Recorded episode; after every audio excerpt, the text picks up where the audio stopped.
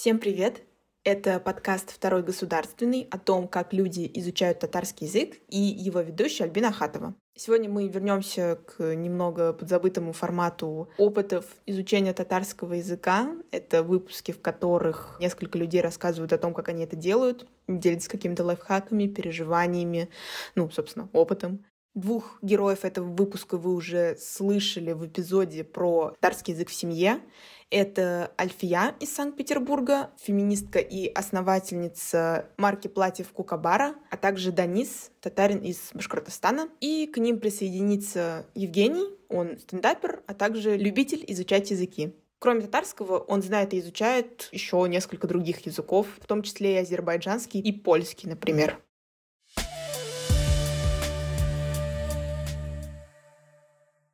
Я татарка, стопроцентная, но я родилась в Санкт-Петербурге, и моя семья, в принципе, мои родители тоже родились уже в Санкт-Петербурге, в Ленинграде. Это Альфия, феминистка и основательница марки платьев Кукабара. Я могу сказать, что я разговаривала на татарском, у нас дома говорили на татарском с моего рождения. И, в принципе, пока я не пошла в школу, а в садик я не ходила, дома мы говорили только по-татарски. Это была такая типичная билингвальная семья, которой Дома говорили по-татарски, а за пределами нет. Оказалось, что не очень-то здорово говорить по-татарски. Мой опыт основан на том, что вот у меня была такая реальность, где был татарский язык, где была бабушка, где мы говорили только по-татарски дома, а потом я попадаю в какой-то открытый мир, в школу, и оказывается, что не так-то здорово, что у меня есть какой-то другой язык, что я отличаюсь. Я говорила прекрасно по-русски, понятное дело. Это не было шоком для меня, что все говорят по-русски. Но я столкнулась с тем, что лучше об этом не распространяться просто. Что ты еще можешь говорить по-татарски, что ты татарка, у тебя странное имя. Мое отторжение и отдаление от татарского языка началось тогда, когда я вступила в такую понятную социальную конструкцию петербургской школы. Я татарин, я родился в татарской семье. Сам я из Башкортостана. Это Данис, татарин из Башкортостана. Родственники у меня по большей части татары, ну и с татарским языком, в принципе, связан по рождению и культурно. Я где-то с 5-6 лет осознавал себя как татарин, потому что я слышал, что татары, татары – понимал, что на разных языках говорят родители, родственники, понимал какие-то различия, что, ну, вот у меня няня, и у кого-то бабушка. И я помню, как ты спросил, а мы кто? Он говорит, мы татары. Вот когда я говорю вот так, это татарский язык говорит. А когда вот а мы сейчас с тобой говорим на русском, вот. Ну, и вот он таким образом объяснял. Татарский язык, это же прям вообще, это то, среди чего я живу, прямо или косвенно. Это Евгений, стендапер и преподаватель языков.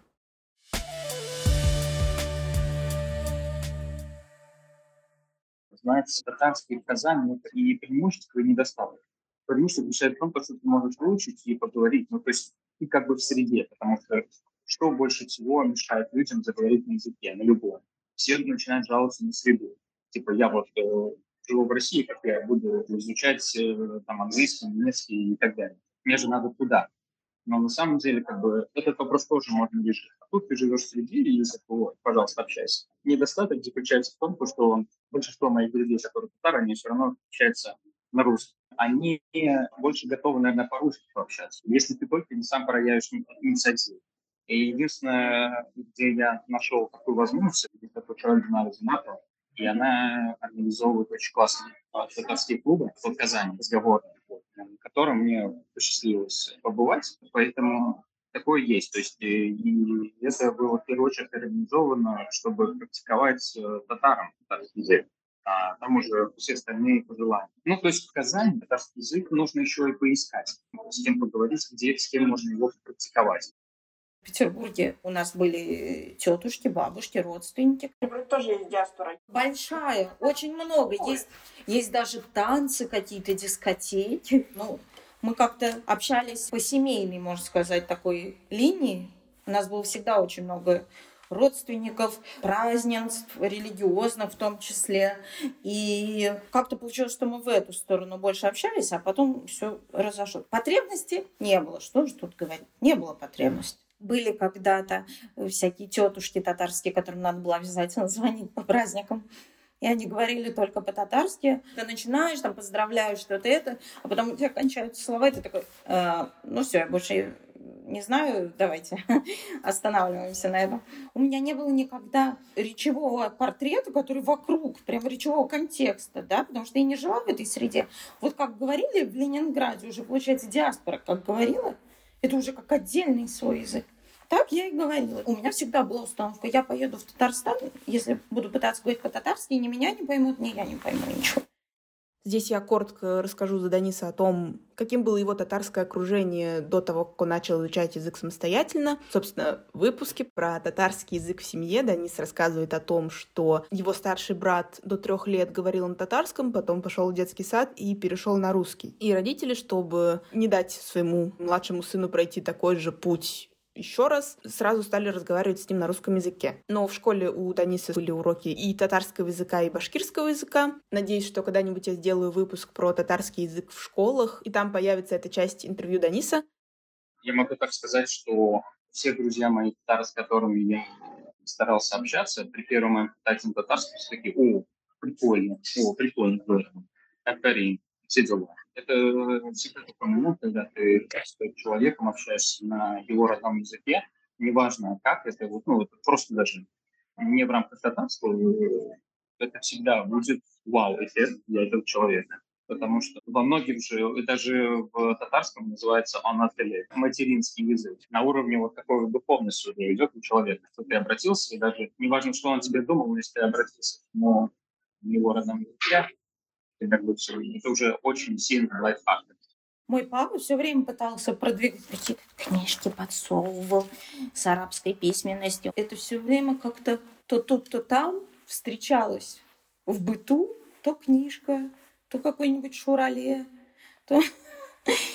И, в общем, это оказалось больше, чем шурале и книжки про начальный уровень татарского. Я, кстати, побывал даже в 18 году на татарской свадьбе у меня одна группа пригласила меня и моего друга тоже. Мы были там два единственных русских среди татарской свадьбы было. Вся свадьба была просто полностью на татарском. И в основном были такие, знаешь, приколы, типа, а, ну, мы сейчас пообщаемся, и они все равно ничего не поймут. И когда дошла очередь до нас, там, говорить какие-то посты и все остальное, мы буквально там на своем элементе про интермедиат татарском выдали такую базу, что все просто подходили потом нам постоянно нужно было с нами выйти, чокнуться и так далее.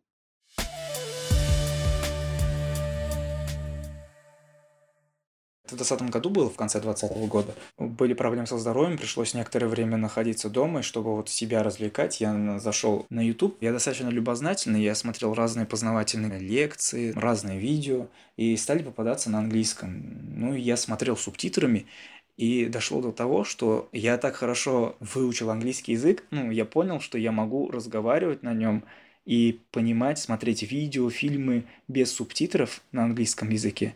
И потом у меня стал вопрос, а почему я английский знаю лучше, чем татарский язык? Я же татарин все-таки. Потом я решил посмотреть что-то о татарском языке, также вел на ютубе, мне вышел Айда онлайн, я начал смотреть его видео, подписался в Телеграме, еще э, где возможно было. Ну, стал смотреть так по чуть-чуть, по чуть-чуть. 21 год полностью я смотрел, читал, и я за 21 год стал полностью практически любую разговорную речь татарскую понимать. До этого были проблемы, мне даже брат говорил, а, я когда не спрашивал, что, что сказали, он говорит, ты что, не знаешь, что ли, же простое слово? Он мне вот так э, говорил. Стыдно в этот момент, конечно, становилось, но я потом заходил в э, переводчик или словарь, там, где мог найти, и искал.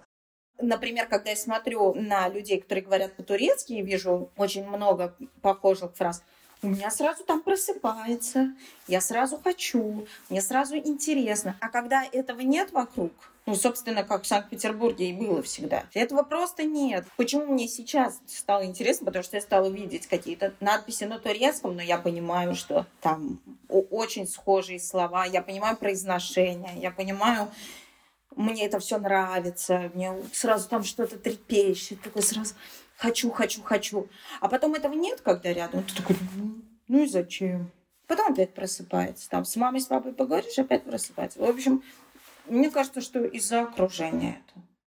В прошлом году, в конце зимы, вопрос по-другому встал, такой кризис идентичности случился. Я стал задумываться, что значит быть татарином, и много разных мыслей было. Ну и я стал просто залпом открывать для себя татарскую культуру, татарскость. Очень много музыки для себя открыл, много разных татарских языковых телеграм-каналов, где там каждый день разные слова, фразы интересные. Стал музыку слушать. Сейчас я даже некоторые статьи на татарском языке лучше понимаю, но я все-таки думаю на уровне собаки понимаю, но говорить не могу. Я э, не родился, но не вырос в Казани, и всегда татарский язык окружал меня. То есть это в школе 11 класс всегда было, потом я поступил в университет, и, соответственно, там это все и осталось. Хотя я думал, что в университете татарский язык. Потом был какой-то перерыв, и в какой-то момент я понял, что мне нравится изучать языки, мне нравится заниматься языками, как у людей, так и самому себе. Это как, знаешь, когда ты уже давно учишься в школе, но потом через лет 15-20 такой, блин, алгебра, это же круто было. Вот «Войну и мир» — это же тоже интересно. Здесь то же самое. Поэтому я такой, блин, ну, татарский язык. Мне нравится вообще, в принципе, все языки, ну, которые так или иначе где-то встречал и с говорил. Татарский — это очень классная возможность. Я, мне просто нравится изучать языки и татарский учиться. У нас есть какие-то слова, которые он из общения с бабушкой, из общения со мной подчеркнул. Это Альфия рассказывает о своем сыне. Также про него и про татарский язык, и то, как они сосуществуют, она рассказывала в выпуске про татарский язык в семье. И он все время говорит, как классно, что у нас есть свой язык. Как здорово, что... И я понимаю, что чем больше это происходит, тем больше я хочу вот эту, этот свой язык. И вот сейчас я нахожусь в Германии, и мне хочется этот свой язык еще больше, чем когда-либо.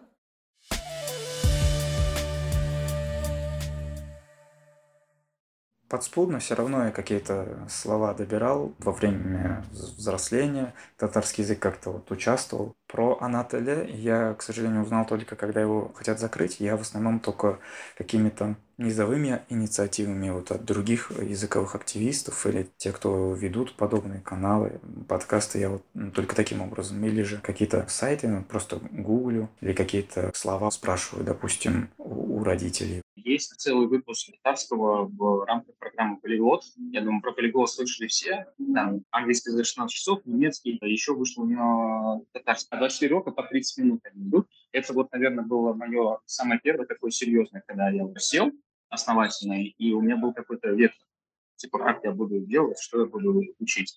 Потом э, я нашел в книжном трехязычную книгу на татарском, на русском, на английском. Это тоже классно было, и я купил. И проблема была в том, что там э, через каждое занятие он ладос э, и так далее, и так далее, а аудио самого нет. И буквально вот только недавно появилось аудиоприложение, причем в новых уже изданиях. Сейчас, когда мы переехали в Германию, у меня тут живет сестра, она давно уже переехала, наверное, лет 15 тут живет, но общаться ей тут было не с кем. А теперь есть я. Может быть, мы можем вместе учить. И мы иногда начинаем с ней говорить по-татарски. Насколько хватает возможности, насколько хватает сил на Айде, Айде онлайн мы подписались. Пытаемся вспоминать всякие слова, словосочетания. Ну, пытаемся вспомнить, что есть. Иногда смотрим, например, переводчик, оказывается, все совсем не так. Я стараюсь воспроизводить какие-то диалоги в голове, когда куда-нибудь иду или думаю о чем-то, задумаюсь о чем-то, допустим, я мыслю на русском, я начинаю думать, как бы я это сказал на татарском, как бы я это объяснил, допустим, своей племяннице или какому-нибудь родственнику.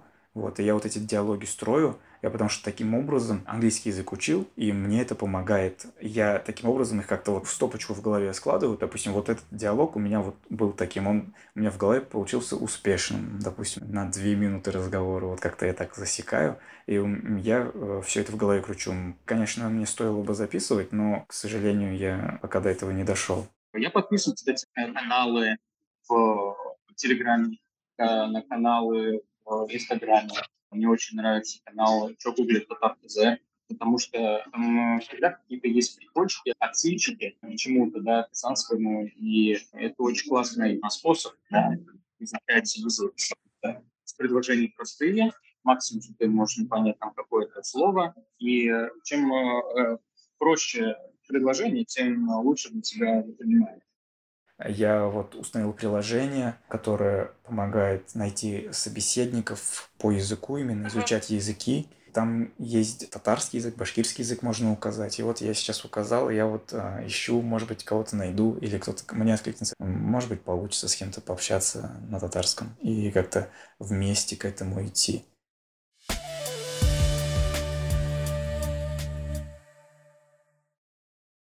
И сейчас, когда я слушаю что-то, думаю, ничего себе, это не просто отдельные какие-то слова, это не просто какие-то веселые.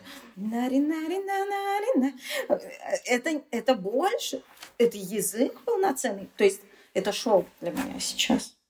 Потому что он настолько жил только в моей семье, что мне казалось, что это какой-то просто свой маленький выдуманный мир. Это настолько шок сейчас, вот когда я начала слушать, что я не понимаю ни слова. Это совершенно другой язык. Это язык. Это настолько поразительно. И в этот момент становится страшно. Думаешь, ты, ты, несмотря на свою базу, никогда это не освоишь. Есть ощущение. Ты а, понимаешь, что его и учить надо так же, как любой другой язык, что это не получится. Так что, ну, я татарка, значит, я по-татарски смогу. Нет, так не будет, и надо стараться и учить по-настоящему. Я, наверное, еще не дошла до той стадии, где надо прям сидеть и учить. Почему? Как думаешь? Из-за лени. Я хочу уже уметь. Я не хочу учить. У меня была знакомая, мы с ней в переписке исключительно общались на татарском и на английском. Пару раз мы виделись, и разговор шел на русском. Мы не могли перейти на татарский и на английский. То есть с ее стороны тоже был вот такой блок. То есть она при этом изучала английский язык и хорошо знала татарский язык. Вот. Но мы оба не могли это сделать. Этот барьер, он не такой вот, что мне прям становится страшно, а это ты пытаешься сказать мысль, а ты не можешь подобрать слова. Я по отдельности знаю много слов татарских, но в речи я их не могу собрать. Потому что я не знаю, как правильно в этот момент сказать. Ну, и бывало тоже, что в нелепой ситуации упадал, когда пытался на татарском говорить. Это в детстве, конечно, было. Вот, ну, я после этих попыток просто, ну, забросил. Вот. А сейчас я, конечно, буду так делать пытаться, я просто об этом не задумывался пока. Мне, наверное, легче с кем-то заговорить незнакомым, потому что нет вот этого опыта, наверное, общения на русском и татарском языке. Что это как чистый лист да, человек. Да, да, чистый лист. Потому что, ну вот я сейчас говорил на татарском, у меня очень сильный акцент. В детстве у меня акцента не было. Сейчас акцент очень русский у меня. Мне за счет этого тоже, конечно, стыдно. А так, а, если я с другим человеком поговорю, возможно, я с ним даже не встречусь. Вот больше, если бы я захотел с ним поговорить. Вот, и ну, мне особо стыдно не будет. Вот, а если я с кем-то буду целенаправленно говорить на татарском, то он уже будет знать меня как татароязычного человека и будет видеть прогресс мой и не будет, наверное, так строг. Также Данис рассказывал о том, что сложно заговорить с родственниками на татарском языке. И такое ощущение, как будто это какой-то отдельный вид барьера в изучении родных языков. Чтобы не повторять это интервью, я просто опять предложу вам послушать выпуск о татарском языке в семье. Для меня, наверное, это то, что он не кажется таким прикладным. То есть кажется, ну, выучу я татарский. Ну и что дальше? То есть, ну, я буду только с сестрой, например, его использовать ради подтверждения принадлежности или идентичности и самоощущения. Это все очень хорошие мотивы. Но получается, что вот эта вот основная функция его коммуникативная, она не будет реализовано в полной мере. И все равно ты будешь все время скатываться на тот язык, которым владеет большинство вокруг.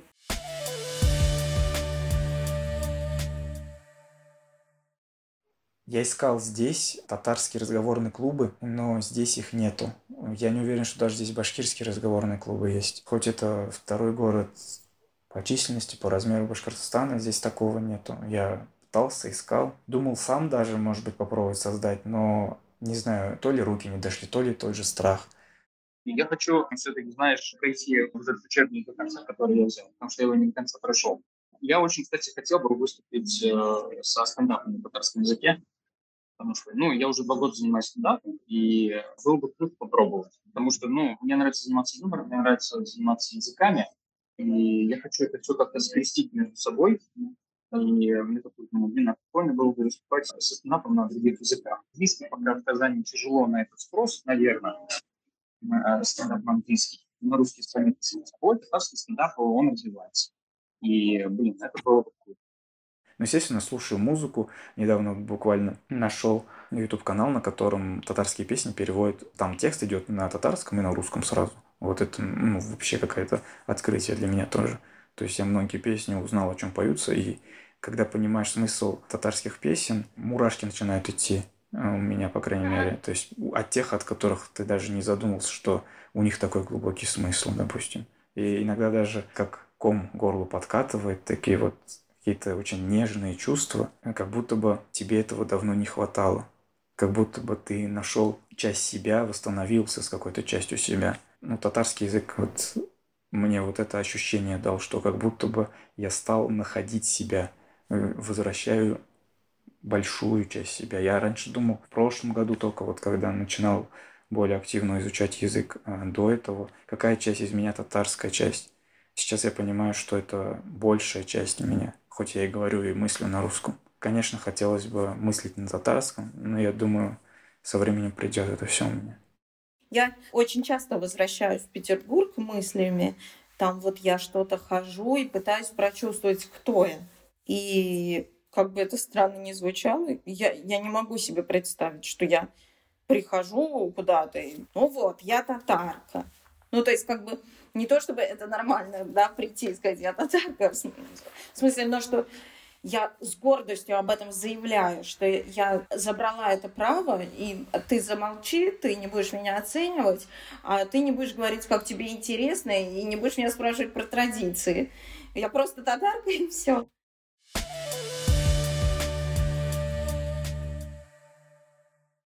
На сегодня это все. Спасибо большое, что послушали этот выпуск. Его версия на татарском языке выйдет на следующей неделе, и чтобы она точно вышла и вышла вовремя, вы можете отправить небольшое пожертвование на то, чтобы я могла оплатить работу переводчика и людей, которые будут заниматься озвучкой выпуска на татарском языке. Буду вам за это очень признательна. Также буду очень вам благодарна, если вы поставите оценку подкасту на той платформе, где вы его слушаете. Как правило, оценки можно ставить на Apple Podcasts или CastBox. На Apple Podcasts еще можно писать отзывы, поэтому мне будет приятно увидеть какие-нибудь теплые, хорошие слова. Можно и не очень хорошие, но конструктивные, пожалуйста. Вот. А чтобы быть в курсе новостей подкаста и не пропускать новые выпуски, подписывайтесь на сам подкаст, собственно, той платформе, на которой вы его слушаете, на телеграм-канал подкаста и его аккаунт в соцсети, которую нельзя называть. Спасибо еще раз, что слушали этот выпуск и что вы следите за подкастом и поддерживаете его. Это был подкаст «Второй государственный» о том, как люди изучают татарский язык, и его ведущая Альбина Ахатова. До следующей недели и всем пока!